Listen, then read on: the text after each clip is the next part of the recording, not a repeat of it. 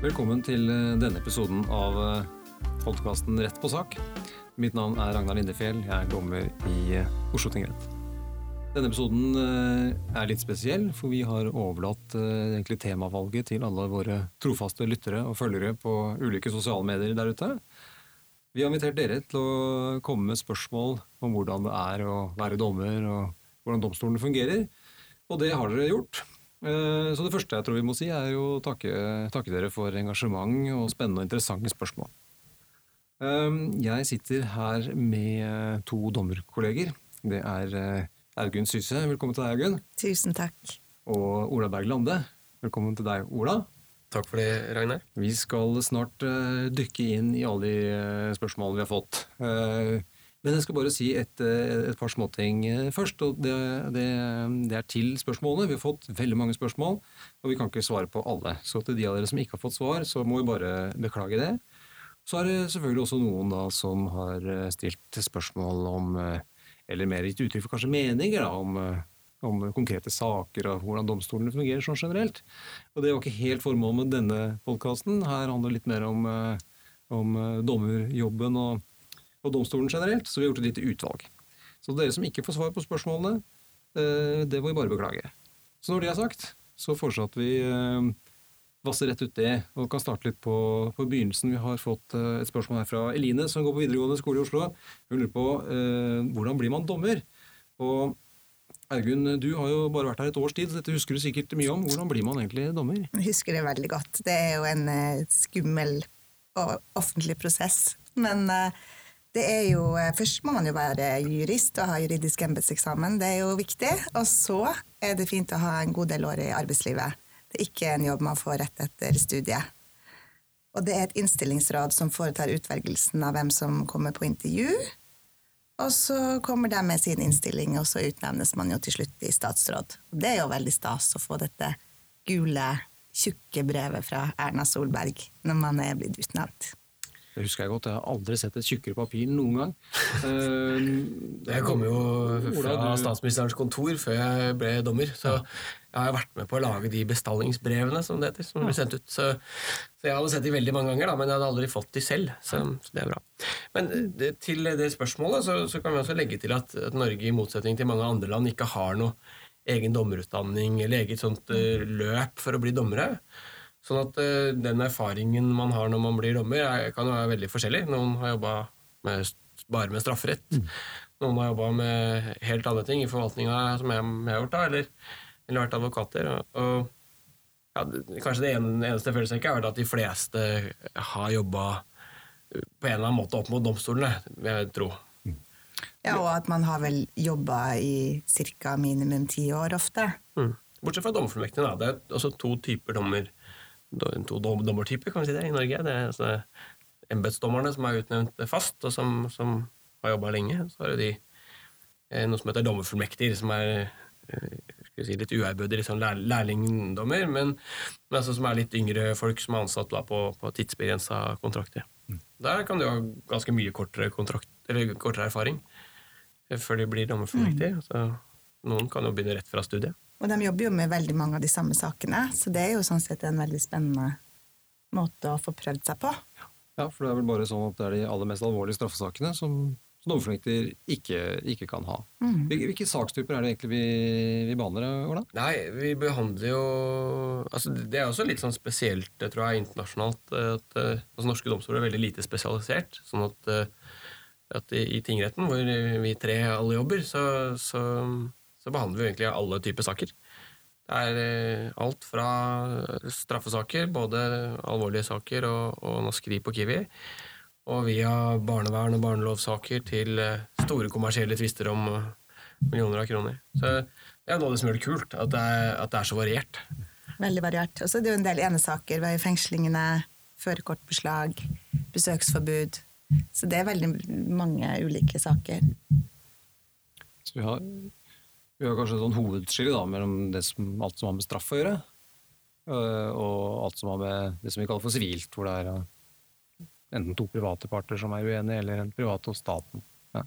Eh, Det er en som lurer på her, øh, kanskje litt i forlengelsen av dette, øh, hva er egentlig den vanskeligste med, med jobben deres? Er det en som heter Lars som har spurt oss om. Er det noen av dere som har lyst til å prøve dere på den? Ja, det som jeg syns er vanskeligst, er å møte folk på en ålreit måte. Syns vi møter veldig mye forskjellige folk som er i til dels ganske vanskelige situasjoner.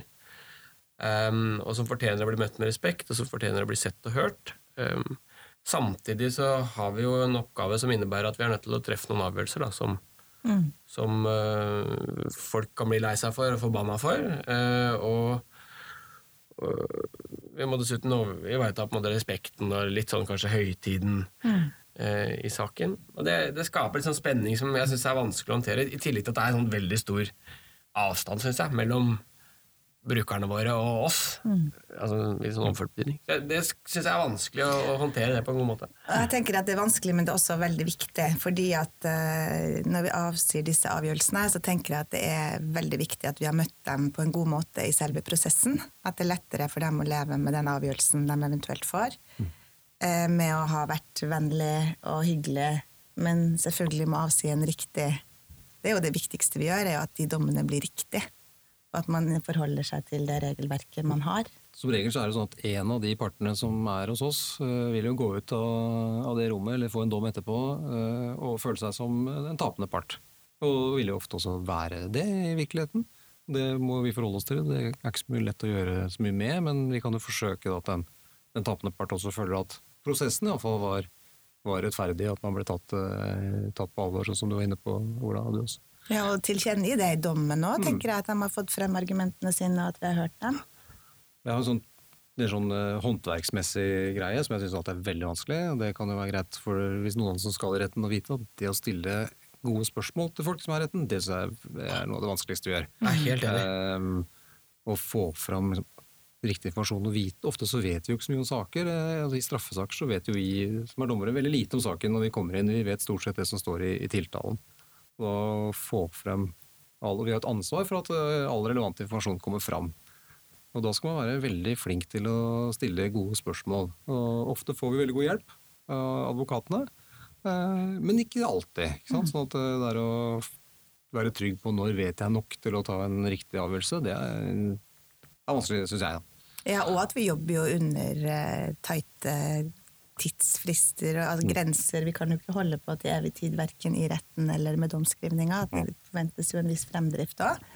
Så det er jo at man kan i hvert fall ikke ha noe særlig sånn beslutningsvegring eller skrivesperre for å bli dommer. Bare, litt apropos det med spørsmål, for jeg er helt enig at det er veldig vanskelig. Um, og, og, jeg merker jo ofte at jeg stopper advokaten og sier at nå stiller du veldig ledende spørsmål, advokat sånn og sånn. Og så snur jeg meg rundt og så stiller jeg akkurat like ledende spørsmål sjøl, for det er rett og slett ganske vanskelig. Mm. Um, det er ganske vanskelig. Um, det, sånn sett så er det takknemlig å sitte her, da, hvor det er noen andre som har laget spørsmål. Ja, ja det, det, er, det, er veldig, det, er, et godt poeng, Ola. Um, så litt i forlengelsen av dette med hvordan vi håndterer informasjon som kommer fram. Da, det er jo basert på masse informasjon at vi må ta noen avgjørelser. Uh, mange lurer på uh, dette med lyd- og bildeopptak i, retten. Og det er et litt sånn stort tema. Eh, dels så handler det om hvilke regler som vi har for rettssakene våre. Dels handler det litt om eh, hvilke regler som gjelder generelt der ute for hvordan man kan ta opp eh, lyd og bilde av ting man er med på. Og det er noe som, som det er åpenbart interesse for. Men, så vi kan jo kanskje dele det litt opp og så starte med noe som en som heter Gro her har lurt på. Eh, om mangelen på lyd- og bildeopptak er et problem for rettssikkerheten. Eh, og så lurer hun i forlengelsen av det på om partene kan ta opp lyd selv. Eh, Ola, dette har, har du det tror jeg du kan noe om. ja, nei Altså, det, det, jeg kan si om det, er at altså, det er jo hovedregelen i, i norsk prosessrett. Så prosessrett er de reglene som gjelder for, for rettssakene at det skal tas opptak av alle sivilsaker og alle, alle straffsaker. Både partsavhørende og, og vitneavhørende. Det står i, i både tvisteloven og i, straffeprosessloven. Så er, er, det et unntak i begge de bestemmelsene som sier at uh, retten kan la være å ta opp uh, rettssakene hvis de ikke har utstyr. Og det tror jeg nesten ikke det er noen domstoler som har tilstrekkelig utstyr. i hvert fall. Så Den klare hovedregelen er jo da i motsatt av det som står i loven, egentlig, at vi ikke tar opp. Så, så det var jo ikke på noe som helst uh, måte et svar på det Gro lurte på. Men, men så virkeligheten er at vi ikke tar opp, og så er spørsmålet om det er et problem. Jeg syns det er et veldig betimelig spørsmål å stille, fordi det er jo utrolig viktig, og en av de fallgruvene vi kan gå i, er jo å ikke få med oss de aller viktigste detaljene. Man må være utrolig sharp på jobben hver dag. Og, sitte, og det kan være en liten detalj som går forbi, og kanskje har man da advokater som understreker det igjen og igjen. Men i en sånn situasjon så tenker jeg at det kunne vært veldig lurt å ha lyd og bilde. Og de kommer til lagmannsretten, og man vet ikke hva som har skjedd, og man forklarer seg annerledes der oppe. Så jeg tenker at det er noe vi bør etterstrebe å få, kanskje. Ja, så det er, det er jo det er åpenbart et, et, problem bare av den grunn at her har lovgiver sagt at vi skal ha det, og så har vi det ikke. Det er selvfølgelig uheldig.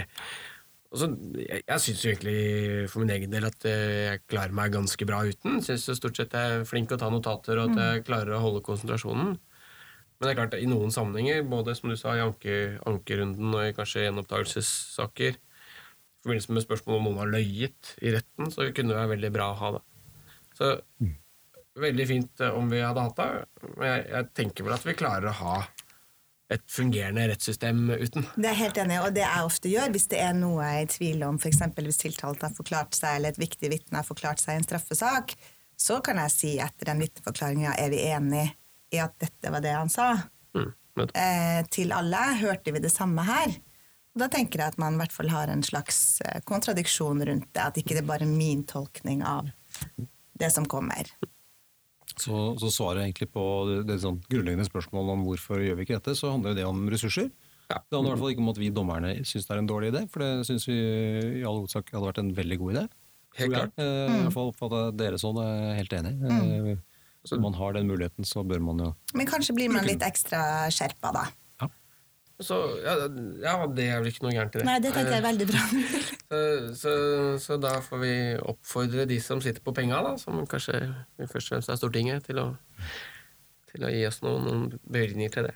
Og så er det jo noen som lurer på, da, i forlengelsen av det, så, nå som situasjonen er som det er, kan man, eh, kan man f.eks. ta opp dette selv. Og det kommer vel kanskje litt an på hva slags type sak det er? Det eh. kommer litt an på hvordan saken er. Altså, jeg tror at Dette burde jeg kunne. Eh, jeg må slå det opp fra gang til gang. Men, men det er i hvert fall sånn at retten kan tillate det. Og de gangene jeg har fått spørsmål om det, så tror jeg Jeg tror aldri jeg har sagt nei til det. Men, men jeg tenker Så det, jeg er ikke sikker på reglene. Jeg Nei, jeg tror at man kan det. Ja, det tror jeg er riktig.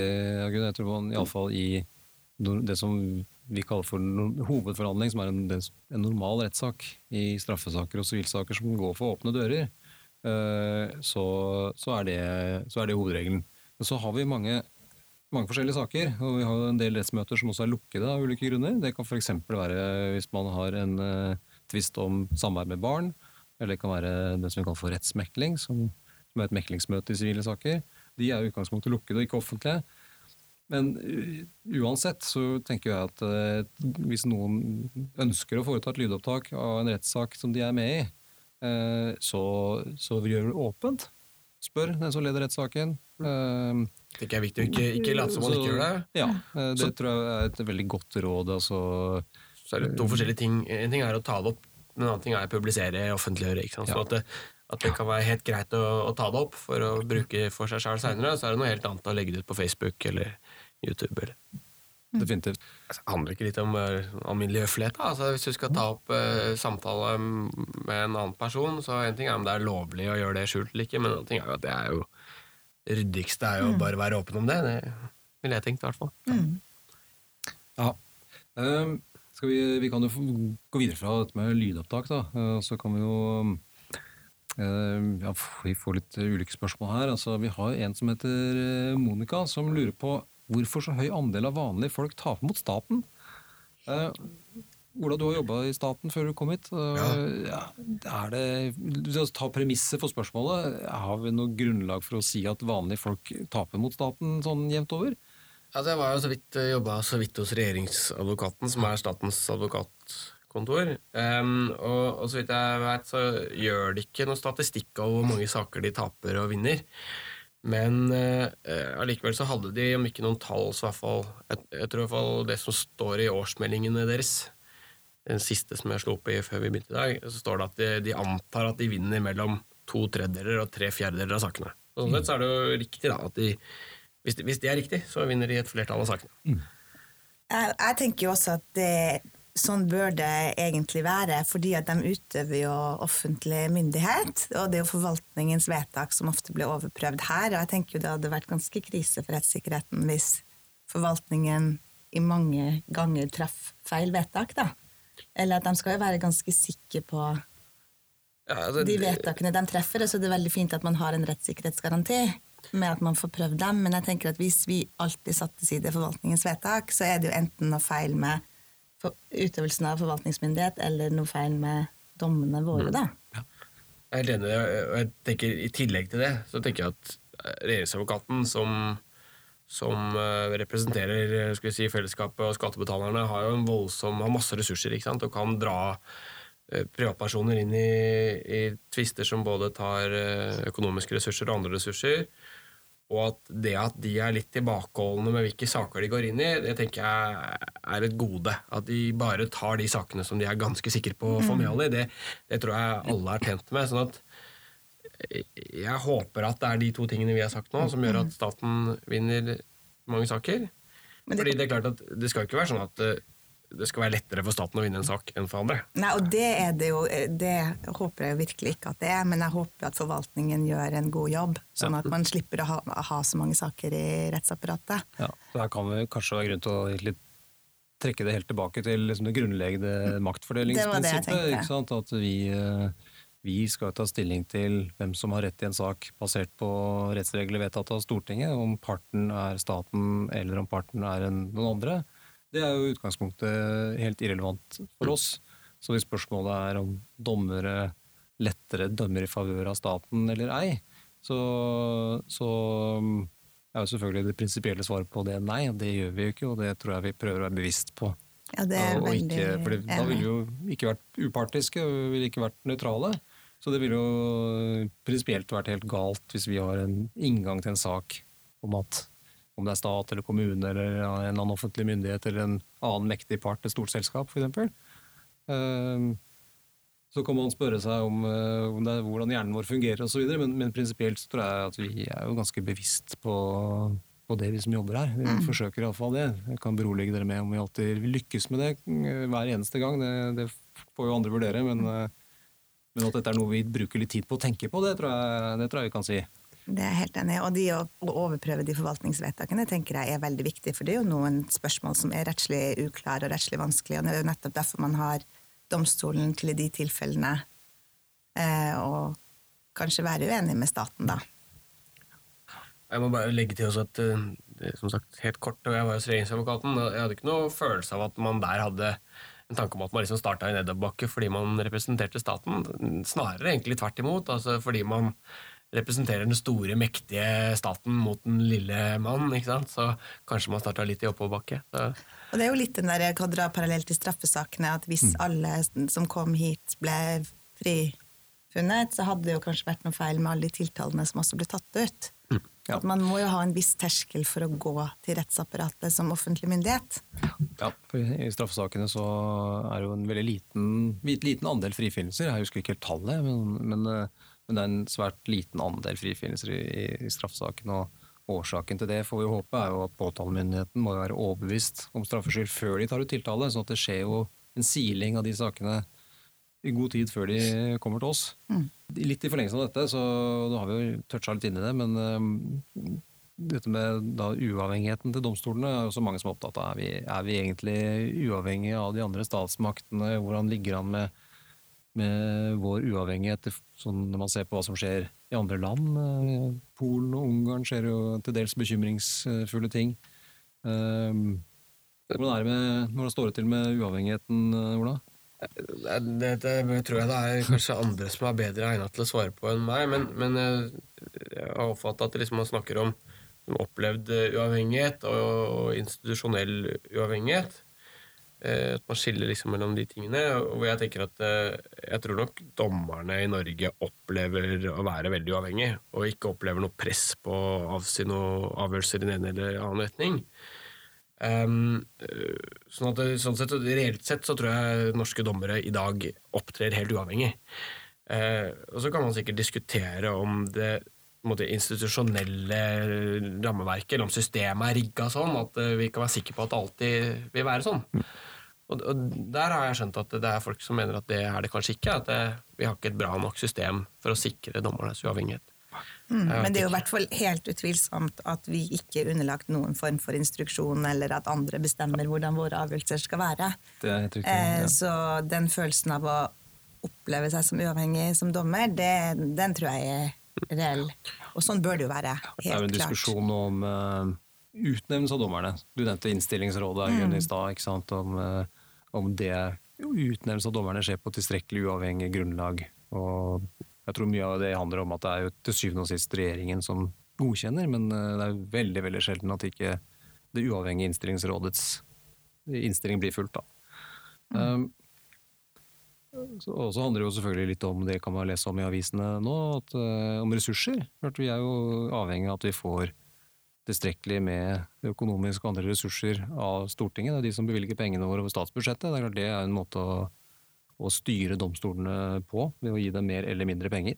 Eh, Så det er klart eh, Vi blir jo påvirket av ytre faktorer, men eh, sånn i det daglige så tenker det står bra til i Norge med uavhengigheten. det, det er nok ikke så mange som mange der ute som mener at det står veldig dårlig til med uavhengigheten, tror jeg. Ehm, litt mindre alvorlig. Går det innpå dere når dommen deres blir anket? Hvordan er det, det Ola? Syns du det er, er, det, er det guffent når dommene dine blir anket? nei, nei jo, altså, overhodet ikke. Det, det er jo veldig morsomt. Det er jo, det er jo en fest å se Kanskje nå overdriver litt, da, men det det jeg syns det er morsomt å se hvordan ankedomstolen ser på en sak som jeg har eh, skrevet dom i. Kjempeartig. Eh, vi sitter jo ganske sånn aleine her i tingretten, og det er jo veldig lite tilbakemeldinger fra i hvert fall av negativ karakter. Det er jo ingen som tør å si noe negativt til dommeren. Så det er en av de få tilbakemeldingene vi får som på en måte er helt ærlige. Eh, Jeg syns jeg jobba såpass kort at jeg syns ikke det er en god dag på jobben når jeg leser en anke. Nei, ikke Det syns jeg er stusslig. Men når anketilsvaret kommer, så blir man jo litt glad. Ja, nå tenkte jeg på når, liksom, når avgjørelsen fra Borgarting lagmannsrett kommer. Ja, det, det- det syns jeg det liker jeg, men, men um, altså er det selvfølgelig med det unntak Det hender jo at man tenker at etter at man har søkt om at tenker, traff jeg kanskje ikke planken helt, så du tenker at du ikke har, har truffet helt, da er det selvfølgelig mindre behagelig. da. Ja. Men det, um, Men det var jo skjer du, Ragnar, som ga meg det rådet at jeg bare må vente til anketilsvaret kommer, og så lese de sammen. Så får man en litt bedre dag på jobb. Ja, Hvis man har litt om mandag morgen og det er litt skjørt, og så kommer den anken, så er det klart man kan lese den litt sånn med harelabb. Fordi ankene, noen er jo veldig saklige og ordentlige. Men andre er jo sånn her har tingrettene bomma fullstendig, og det kommer en del adjektiver. Er Klart, ja, ja, vel, vel, så får vi tåle det, da. Det er jo en del av jobben. Men, men jo, hvis man trenger en liten selvtillitsboost, så er det jo veldig fint å se på anketilsvaret, for det, det vil jo være den parten som har vunnet. Eh, som da jeg argumenterer for hvor fantastisk den eh, dommen du har avsagt da er. Og så får man jo fasiten da en stund etterpå fra, fra de høye herrer og damer i lagmannsretten, i aller verste fall i Høyesterett. Det er jo litt sånn, jeg får jo alltid eh, Det blir alltid litt sånn Oi! Når den kommer i innboksen. Avgjørelse, avgjørelse avsagt i lagmannsretten, og så må man lese den. og det ja, Noen ganger er jo det veldig ålreit, andre ganger så er det kanskje et godt korrektiv. Ja. Men jeg er veldig glad vi har et system hvor man kan anke, og det tenker jeg er veldig Det riktig er selvfølgelig for, eh, for brukerne våre så er det selvfølgelig et utrolig viktig rettssikkerhetsgaranti. At, ja, Og det for er oss, noe- tenker jeg. Det er fint for oss Ja, at ja, ja. vi Det oppdrar oss, og det er bra. Så hvis man er bekymra for eksempel, hvis det er noen der som er bekymra for at vi eh, utøver masse makt på lille Tue, så, så er det kanskje i hvert fall to ting å si. Da. Vi er bundet av regler. Og hvis vi ikke bruker de reglene på en ordentlig måte, så, så blir jo sakene som regel anka. Og det blir jo lagt merke til hvis man eh, jevnlig eh, får tilbake anker og avgjørelsen alltid blir omgjort. Det, er klart, så det ligger jo en veldig disiplinerende effekt i det for Helt oss klart. også. Og så har jeg opplevd at begge har anka, og da har man jo Det er kanskje ikke den beste dagen på jobben. Nei. Men det er ikke over før lagmannsretten har sagt sitt. Nei. Ehm, nettopp. Nei, men det er jo bra. Vi har eh, litt i samme leia her, egentlig. av En, Um, et spørsmål fra en, eh, en, advokat. Det er så vidt jeg vet den eneste advokaten som i hvert fall har eh, vært åpen her. Uh, det er en ikke helt ukjent fyr ved navn Jon Christian Elden. Han har spurt hva syns dere egentlig om sånne advokater? Spørsmålstegn smiley. Jeg er litt usikker på hva han mente med sånne advokater, men vi, la, vi prøver likevel. Gjør ikke det? jo, altså, jeg tenker Svaret på det er jo evig takknemlig for advokatene. Altså, det, den jobben ville vært helt umulig uten advokatene. Eh, dommerne i Norge er jo generalister. Hvis de kan noe, så er det kanskje liksom å sette seg inn i problemstillinger raskt, mens mange av advokatene er spesialister på det de driver med. Det er jo utrolig deilig når det kommer flinke, oppegående folk som forteller oss eh, hva som er vurderingstemaet vårt. Mm. Så jevnt over veldig fornøyd med advokatene.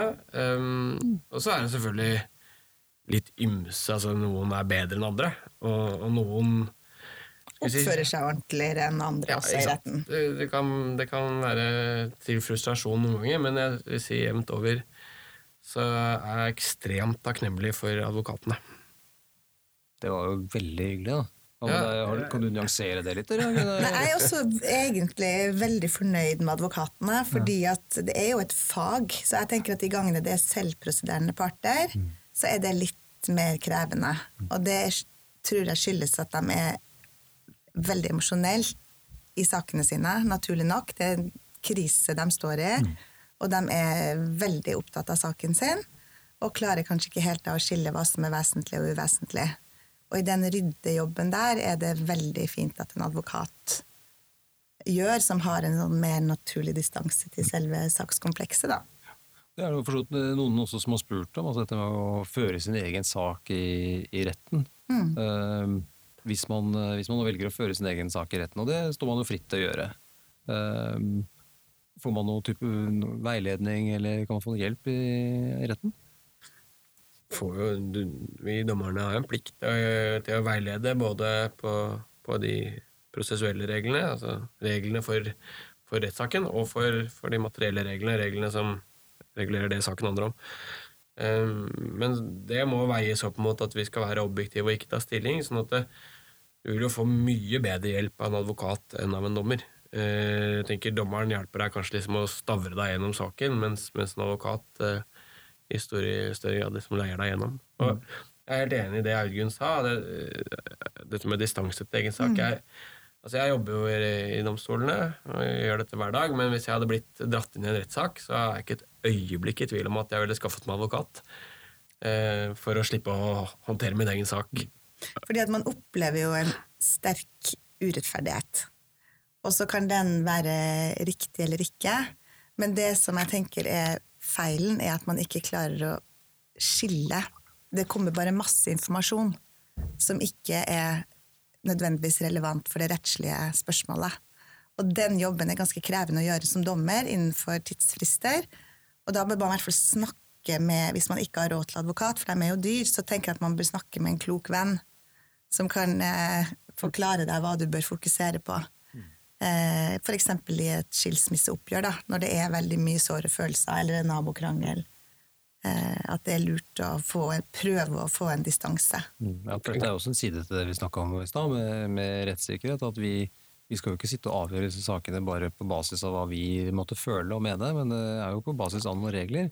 Og da er det noen som må hjelpe oss med å, sortere ut hvilke, hvilke beviser er som er relevante i forhold til de reglene vi holder på med. og hvis ikke så, så, breddes det ut på en måte som, mm. som gjør at uh, det kan bli så mye informasjon at vi klarer ikke heller å skille ut hva som er Nei. viktig og ikke viktig. Og, det er jo den store kanskje fordelen med å ha advokater. Litt sånn som en, en lege som må tolke masse symptomer og så komme til en diagnose. Det, det er jo et fag.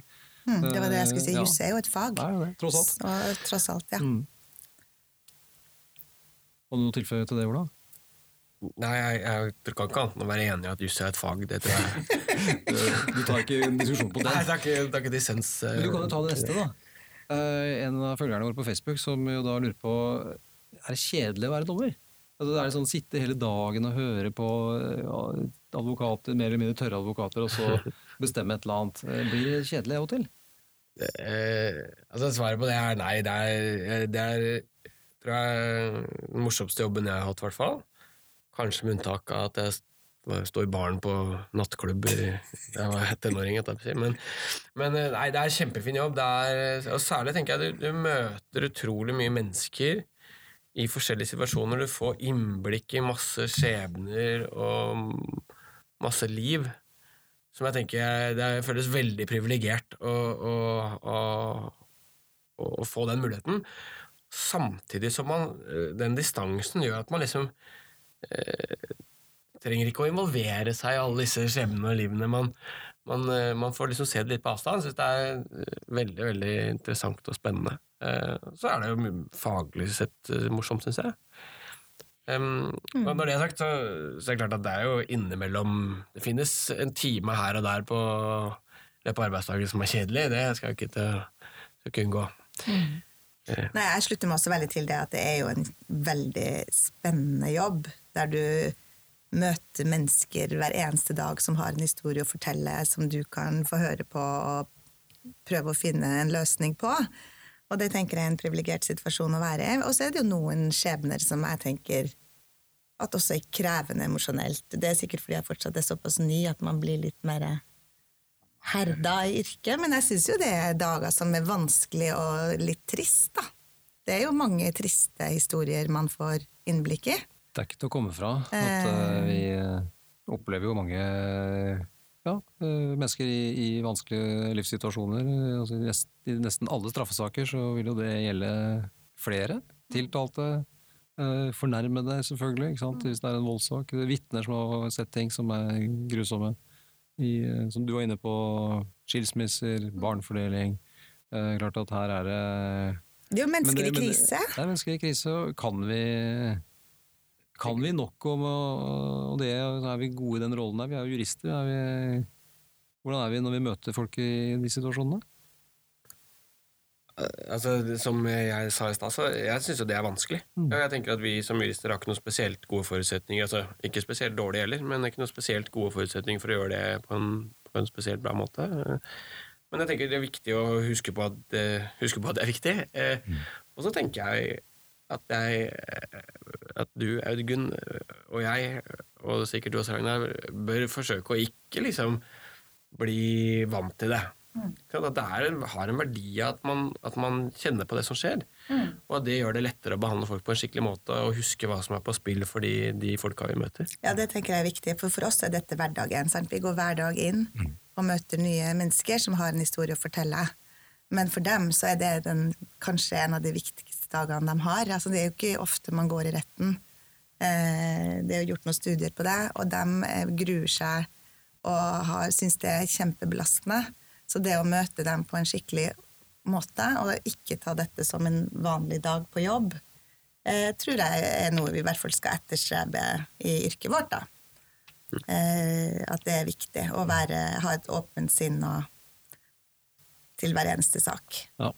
Vi, vi, vi forsøker i hvert fall å, å gjøre vårt beste, og så, så vil det jo være sånn alltid. At det er ikke alle som Nei, vil være, være fornøyd med hvordan vi møter dem, eller hvordan avgjørelsen blir. Men, uh, men det, er, det er vel jeg tror vi kan si såpass at vi, det er ikke noe vi tar lett på, eh, den, den rollen og den, den makten som vi da selvfølgelig utøver ikke sant, disse sakene. Jeg tenker at Det er viktig å være opptatt av juss og kunne håndtere jussen, men det er jo viktig å kunne håndtere menneskene eh, i, i dette yrket. Det er det, og det blir jo i økende grad, antagelig. Mm. For eksempel så har vi jo masse saker som omhandler barn, ikke sant? hvor det kreves et litt annet register. Og meklinger Og, som man og meklinger, hvor, eh, som jo da ikke er en rettssak, men en, hvor man, hvis man har en, eh, en tvist med naboen, eller det måtte være, så kan man jo komme og få en tilrettelagt samtale i, i domstolen, hvor man sammen prøver å finne fram til en, til en løsning. Det da må man jo bruke egenskaper og et helt annet register enn eh, enn regler og juss. Og det faller noen eh, lett, og andre litt eh, mer vanskelig. Um, bare litt sånn forlengelsen av det, men på en litt lettere, lettere tone. Vi har en som heter eh, Sofie her, som har stilt et spørsmål som, som går litt på dette her. Da, om um, Hun har sett statistikk fra USA med at straffeutmåling har en tendens til å være mildere når dommen avgis rett etter lunsj enn ellers på dagen. Um, jeg lurer på om det der kan være et eksempel som fra, fra boka til Daniel Kahneman, tenker fort og langsomt, Ola, om, eh, om eh, feil vi gjør eh, når ting kommer i tett rekkefølge. Men jeg husker. Eh, og, til, og jeg lurer på, hvis det er det, så tror jeg det var, dette var noen fengslingssaker i Isra Israel eller sånt? Jeg tror det er prøveløslatelser i Israel, ja. hvor, hvor dommerne da vurderer et stort antall saker i løpet av en dag, eh, og, og hvor sjansen for å bli løslatt altså Dette er fritt etter hukommelsen, må jeg si, men, men sjansene for å bli løslatt da går fra å være helt eh, grei tidlig på dagen til å være nesten null rett før lunsj, og så litt bedre enn etter lunsj, og så ned mot null da mot slutten av dagen. Um, og så tenkte du, Hvis jeg ikke husker feil, så er det også sånn at det for de dommerne så var det litt mer jobb å gi prøveløslatelse enn å nekte det. Um, Ja, sånn at man kunne tenke seg både at det handla om blodsukker, uh, og at det handlet om uh, tid. Ikke sant? Man har dårlig tid før, før lunsj, man skal bli ferdig med disse sakene, og da var det lettere å avslå. Um, og så kan det også være noe sånn sekvenserings... Eller sek, av dette ikke helt hva det heter, men, men en sånn psykologisk effekt som sier noe om at hvis du liksom har løslatt mange på rad, så er det mindre sjanse for at du løslater den neste. Fordi man måtte tilstrebe en form for balanse. Um, nå har jeg glemt hva spørsmålet var, egentlig. Nei, det, spørsmålet var kanskje at eh, er det sånn, eh, er det sånn her òg? og, og Det kan jo være at det, hybris å tro at vi er så veldig mye flinkere til å ta avgjørelser enn israelske dommere, f.eks. Altså, vi er mennesker, vi òg, sikkert Trenger mat. Trenger mat, ja, ikke sant? Og, og, og, og er sikkert offer for de samme psykologiske feilslutningene som andre folk. Eller det, det er vi jo. Men, men det er klart, det er jo ikke noe vi ønsker oss, og, og, og jeg tenker jo det er helt forferdelig hvis det er sånn hos oss også. Uh, nå tror jeg vel ikke Jeg kan ikke si jeg husker noen sånn tilsvarende situasjon i norske domstoler hvor, du liksom, hvor det ene utfallet krever veldig mye mer jobb. I hvert fall ikke i straffesakene enn Nei. andre. Nei, sjelden. Um, kan være noen sivile saker, kanskje det er sånn, men, um, ja. Nei, men, men det er ikke noe tvil om at det er uheldig, og, og hvis det er sånn. uh, Og det er vel egentlig ikke noe grunn til å tro at, vi, at, det, ikke er, at ikke det berører oss på en eller annen måte. i hvert fall. Det kan være litt beroligende da, og kanskje å ha i bakhodet at det er jo veldig sjelden at vi har fryktelig mange avgjørelser på, på løpende bånd i norske domstoler. Eh, De normale sakene våre er jo gjerne én per dag, eh, eller noen kan gå over flere dager. Så er det noen eh, f.eks. varetektsfengslinger, hvor vi kan ha mange på en dag. Eller andre til førerkortbeslag, eller sånne ting. Men selv da er det ikke snakk om mer enn fem, fem saker, kanskje. Eh, Så den situasjonen tror jeg ikke vi sitter i så fryktelig ofte. Men det er klart eh, Det, det, det er et poeng. Og, Det generelle poenget er kanskje at uh, det er viktig for oss å være oppmerksom på feilkilder i hvordan vi sorterer og tolker informasjon og hvilke beslutninger vi tar. Eh, Det tror jeg vi har vi hatt en egen podkast om, faktisk. Ola, du har jo hatt en egen vi har vår egen podkast. Ja, vi har det. Ja. Dommerpodden. Ja. Og der har, en, har du hatt en samtale med en eh, Beslutningspsykolog. beslutningspsykolog om akkurat disse fenomenene her. Så det, det er i hvert fall en viss oppmerksomhet rundt, eh, rundt det. Og det at vi forsøker å ta beslutninger sånn noenlunde objektivt, det, og ikke falle i sånne feller som det her, vi, det gjør vi sikkert. Eh, Men, eh, men at vi har en bevissthet rundt det, det hender jo at vi, det tror jeg vi har, noen av oss. Ja, bare en assosiasjon, eller hva jeg skal si. Jeg fikk et godt råd av en hva skal vi si, er det lov å si, eldre dommer eh, da jeg var dommerformektig i Nedre Romerike tingrett. Som jeg har merket meg, som jeg eh, prøver å minne meg selv om. Og det han sa, var at det viktigste vi gjør som dommere, er å ta oss tid til å være i tvil. Det syns jeg var jævlig godt sagt, eh, og det prøver jeg å leve etter. at man på at Noen ganger så tar det tid å finne ut av hva som er riktig. Og at den tida må vi ta oss. Det er godt sagt. Veldig flaut at jeg ikke husker hva han heter, egentlig. Da skulle jeg gitt han eh, Litt ros. Ja. Hva er eh, Martin her? Han lurer på eh, hva er greia med kappe? Um, hvorfor går vi egentlig med, med kappe i retten? Det er jo Dommere går med kappe, og advokater går med kappe. Men ikke meddommere, eksempel. Ikke jurymedlemmer og sånt. Uh, hva, hva er det? Nei, altså, det det er jo en del av et sånn sett av symboler i eh, rettssalsbyggene og rettshallene, tenker jeg. Altså, det er liksom litt samme gate som at det henger et våpenskjold der, og vi har en stol med høy rygg, og vi sitter litt høyere enn alle de andre. Eh, Så en, måte en slags uniformering og en måte å kanskje understreke alvoret på, eller høytiden, eller noe sånt. I Sverige, så, I Sverige så har de jo nesten ikke kapper. eh, Så vidt jeg vet, så tror jeg ikke de bruker kapper i det hele tatt. I hvert fall ikke straffesaker. Eh, Er det en god ting, dette her? Symbolene, kappene og staffasjen rundt, Eigunn? Jeg syns at eh, jeg liker å ha den kappen, fordi at da går jeg på en måte inn i rollen, eh, og er ikke lenger den, et menneske Audgunn, men dommeren Audgunn, og det tenker jeg er også en bevisstgjøring for min egen del. At man må opptre annerledes og skjerpe seg og være ryddig, og jeg er det ellers òg, altså. Det Det var det jeg lurte på, eh, men vi, vi, vi regner med at du er det. Ja, nei, så jeg syns at det er en, en bevisstgjøring rundt det. Jeg, jeg syns det var kleint i begynnelsen. Litt sånn, jeg, synes jeg følte meg litt rar, for det ser litt rart ut. Jeg, synes det var litt sånn, jeg likte det ikke så godt i begynnelsen, men det, det må jeg si har vokst på meg. Jeg, for meg så, jeg tenker at det gir meg egentlig sånn frihet til å være ganske sånn jovial og nedpå. Uten at det går utover noe autoritet eller, eller høytid. Det er ingen som misforstår hvis man er vennlig og folkelig, om man vil. Da. Eh, fordi det er så mye symbolikk i det rommet som understreker eh, de forskjellige rollene. For å si sånn. Men jeg er ganske glad vi ikke har de parykkene de har i England. Ja, Vi var nydelig på en eh, studietur her og, og så dommere og advokater løpe rundt i Old Bailey i London med, med parykker. Nå er jo heldigvis ikke dette TV, men Ola, du og jeg kunne jo kanskje trengt en parykk av og til. Vi har et hårfeste som tilsier at vi hadde hatt uh, nytte av parykk. kanskje ikke akkurat sånn parykker hadde kledd oss. Ja, det er et hår er hår, altså. Eh, men, men når det gjelder det som jeg syns er litt rart, som jeg ikke har noe godt svar på, hvorfor ikke meddommerne har kappe? Nei, altså, hvis de først skal være tre likestilte dommere, så burde, man, jo- burde jo de også hatt det, men det jeg vet ikke hvorfor lovgiver har valgt, eller hvem det er som har valgt.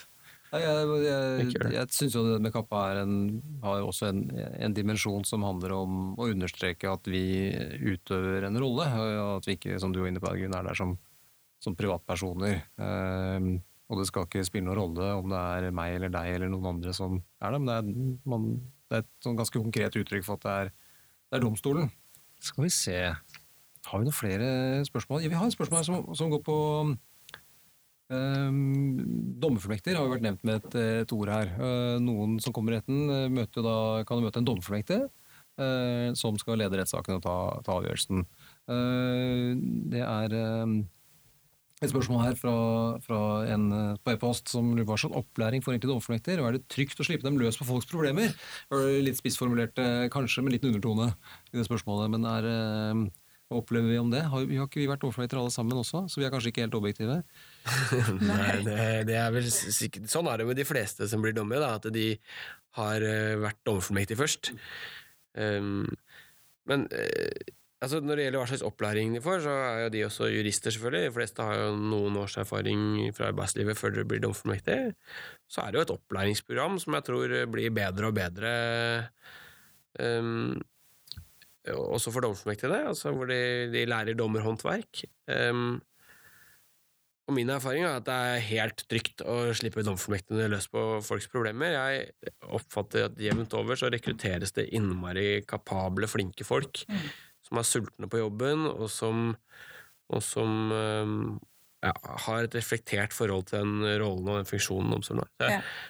jeg, jeg, tenker det er, det er et litt sånn rart eh, og kuriøst eh, eh, opplegg. Altså, jeg tror det er uvanlig internasjonalt, men, men jeg tror det fungerer veldig bra i Norge. Og jeg tror jo veldig mange domfullmektiger også er veldig sulten og veldig takknemlige og glad for å ha fått den muligheten, og nettopp derfor også gjør en kjempegod jobb. De jobber jo skikkelig hardt og står på er fine. Og Det hadde du kanskje tenkt å spørre om, eller, Ragnar, men jeg, jeg merka meg det var et spørsmål om hva, hva slags feller man kunne gå i som dommer, eller sånt, eh, som vi har fått. Eh, vet ikke om du har tenkt å ta med det, men, men jeg tenker Men nå tar jo du det, så da er det jo, Ja, ikke sant? da er det greit. da er det gjort. Altså, men en av de fellene som jeg tenker det er farlig å gå i som dommer, er liksom vanen. Du blir vant til makta, det blir hverdag, du blir eh, litt sånn eh, sedat og ikke på, på toppballene nok. Og der tenker jeg at dommerfullmektigene, både den liksom, enkelte dommerformektige i sine saker, men også dommerfullmektigene på systemet, har en veldig sånn korrigerende effekt. Og er nyttig for å passe på at vi ikke sklir inn og blir sånn Satt. satte og, og Numne. Num, numne, ja, Numne. nettopp. nettopp. Nei, det er helt enig. Og jeg tenker jo også det der at man må være veldig bevisst på å ikke være forutinntatt eh, når man leser en tiltale, at hver sak har en forskjellig historie. Og det er ofte at jeg går inn og ser at man tenker oi, dette var et stygt ran, en grusom voldsepisode. Og så går man inn, og så er saken helt annerledes enn det den virker bare når du ser tiltalen. Så det å være skjerpa og åpen, det tenker jeg er viktig at alle dommere har. Jeg tror domfullmektiger har det i veldig stor grad, fordi de er nye og unge og flinke. Ja, man kan, Livserfaring kan jo være bra, eh, men ikke nødvendigvis. Altså En ung og dyktig og ivrig person eh, kan jo helt sikkert være minst like god som eh, de som har vært her en stund. Skal vi se, vi, vi eh, har noen få spørsmål igjen. Vi skal ta et her som, eh, som selvfølgelig er veldig, veldig interessant, og kanskje kan ha en slags avrunding. Det, det er jo et spørsmål som dere helt sikkert har fått på intervju, begge to. Hva er det som er gode dommeregenskaper? Hvilke egenskaper bør man ha som dommer? Uh, Ergun, hva svarte du på det på intervjuet? Jeg har jo jobbet en del år som advokat først, så jeg var veldig tydelig på det at det å ha en sur dommer, det er noe av det verste man får. En sur, uengasjert og, og lite sånn imøtekommende. Ikke det at man skal være smørblid, men å være vennlig. Og være en god lytter. eh, Og være virke interessert. Det tror jeg er kjempeviktige egenskaper. Være interessert, kanskje, til og med. Ja, til å er ikke virke interessert. Um, Det tror jeg det er enig i. Jeg er altså helt enig med Gunn. Det, så tenker jeg integritet er viktig. At man um, Både sånn personlig integritet, men også at man har høres litt sånn pompøst ut, men, men mot til å treffe de litt sånn ubehagelige avgjørelsene. fordi noen ganger må man jo treffe avgjørelser som det er vanskelig å treffe. Eh, og det at man orker å gjøre det hvis det er det som er riktig. Så det tror jeg er kjempeviktig. I tillegg til alt det Ergun sa, for jeg er helt enig i- med det, hun- sa, at det, og det Ergun sa, er jo, er jo viktigere i hverdagen, kanskje. Altså det, Ja, det er litt sånn dommeren for de Det er hverdagsdommeren, egentlig, og så er det dommeren for de store anledningene. ikke sant? Og klart, den hverdagsdommeren bør jo helt klart kunne klare å være nysgjerrig, åpen og ha disse gode egenskapene som som Ergun, eh, sier, samtidig som vi selvfølgelig også av og til er nødt til å styre litt. Mm, Eh, og og det kan jo oppleves, hvis man er i retten, som, som eh, en slags sånn maktutøvelse, og det er jo til dels òg. Men noen ganger så, så hender det at folk løper litt ut både høyre og venstre, og, vi har ansvar for å lede den prosessen på en god måte. Så det er balanse, finne det gylne balansepunktet der, det er jo Jeg, jeg tenker at det er altså. viktig at man kan styre. Altså noe av det At det ikke bare sklir ut. At man får den inn på et riktig spor, og da må man jo være bestemt. Men man kan være vennlig òg. Det utelukker ikke det andre. det er alltid mulig å være vennlig, Det- eh, selv om man er bestemt. Ja. Det er det. Um, jeg, bare, jeg føler jeg kan ikke helt slippe dette med hvilke egenskaper dommerne dommeren har, ikke uten at det. noen har sagt faglig dyktighet. Jeg, jeg, jeg håper jo liksom at um, de fleste dommerne har et visst juridisk faglig nivå, da. Eh, og det tenker jeg er viktig at vi har. Men jeg er veldig enig i det Ola sa, det der at man må være litt sånn modig. For det er, hvis det er en briljant advokat på den ene siden og en selvprosederende på Det er så veldig lett å bli revet med, og det høres så klokt og fornuftig ut, men at man etterpå da må bare tenke seg nøye om hva er det egentlig som står i kildene, og hvilket rom jeg det har her. At det er kjempeviktig å være samvittighetsfull mot, eh, mot rettskildene. Vi har jo et uh, veldig godt eksempel på, på det. Jeg husker den, den saken hvor, hvor Breivik gikk til sak om soningsforholdene sine og mente at det var et brudd på, på menneskerettighetene. Så kom lagmannsretten til at det var det ikke. Men i forkant av det så var det en tingrettsbehandling, og hvor da en enslig tingrettsdommer sto opp mot hele dette massive presset og sa at da, dette her syns jeg faktisk ikke, ikke står seg i forhold til menneskerettighetene.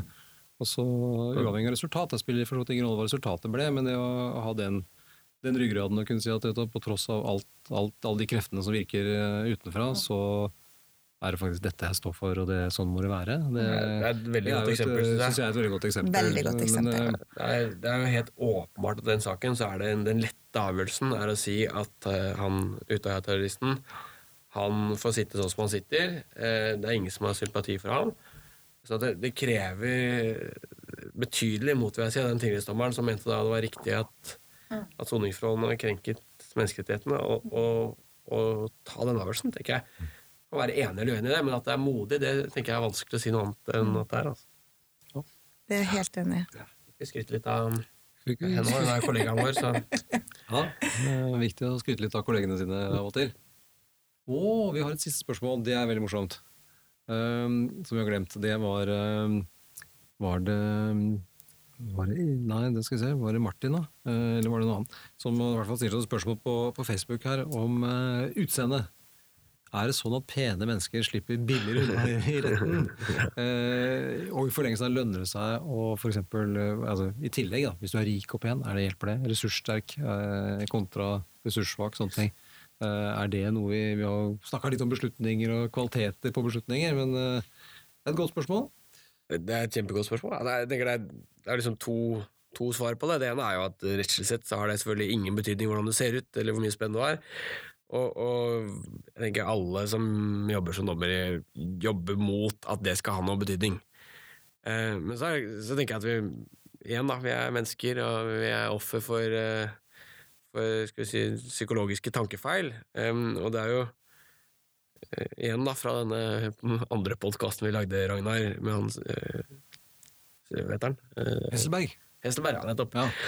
Um, hvor uh, Han snakka om noe som heter glorieffekten, som er et sånt psykologisk fenomen hvor det generelle inntrykket vi får av en person, preges av enkeltegenskaper den personen har. Og det, liksom, det helt klassiske eksempelet på glorieffekten er at liksom eh, er du høy og pen, så, så opplever folk deg som, eller oppfatter folk deg som mer intelligent og, og mer moralsk enn det du enn gjennomsnittet. Eh, så jeg tenker at det vil være litt sånn hybris å, å tenke at eh, ikke også norske dommere kan være offer for glorieeffekten, og at sånn sett så kan det kanskje være en fordel å være pen. Så det vet jeg ikke. Når det gjelder å være rik, så er det klart at eh, Har penger har jo også noe å si i, i rettssystemet. Mm. Du har eh, tid og penger til å gjennomføre en prosess, tid til, og penger til å hyre den beste advokaten, så tenker jeg vi kan ikke se bort fra at det også har en positiv effekt på, på sannsynligheten for å nå fram. Noen ganger være har det jo også motsatt effekt. For eksempel, altså, har du kjørt eh, med promille, så får du en bot som er, står i forhold til lønna. Nettopp, det er sant. Hadde en stund, for en stund siden en fyr som hadde veldig høy lønn og veldig dyr bil. Uh, og det er klart det, det ble jo fryktelig stor bot, altså. Uh, men, uh, men dette går jo på langs flere dimensjoner. Eh, Dagbladet hadde en undersøkelse for en stund siden, eh, basert tror jeg, på en masteroppgave, hvor det jo fremkom som en ganske sterk hypotese om at eh, kvinner straffes mildere i promillesaker. Eh, Så det å være kvinne, eh, kan da i straffeutmålingssammenheng eh, kanskje i noen sammenhenger være, være en fordel. Eh, Hvis kvinnen i tillegg er pen, så er det mulig at det da kan også få denne glorieeffekten.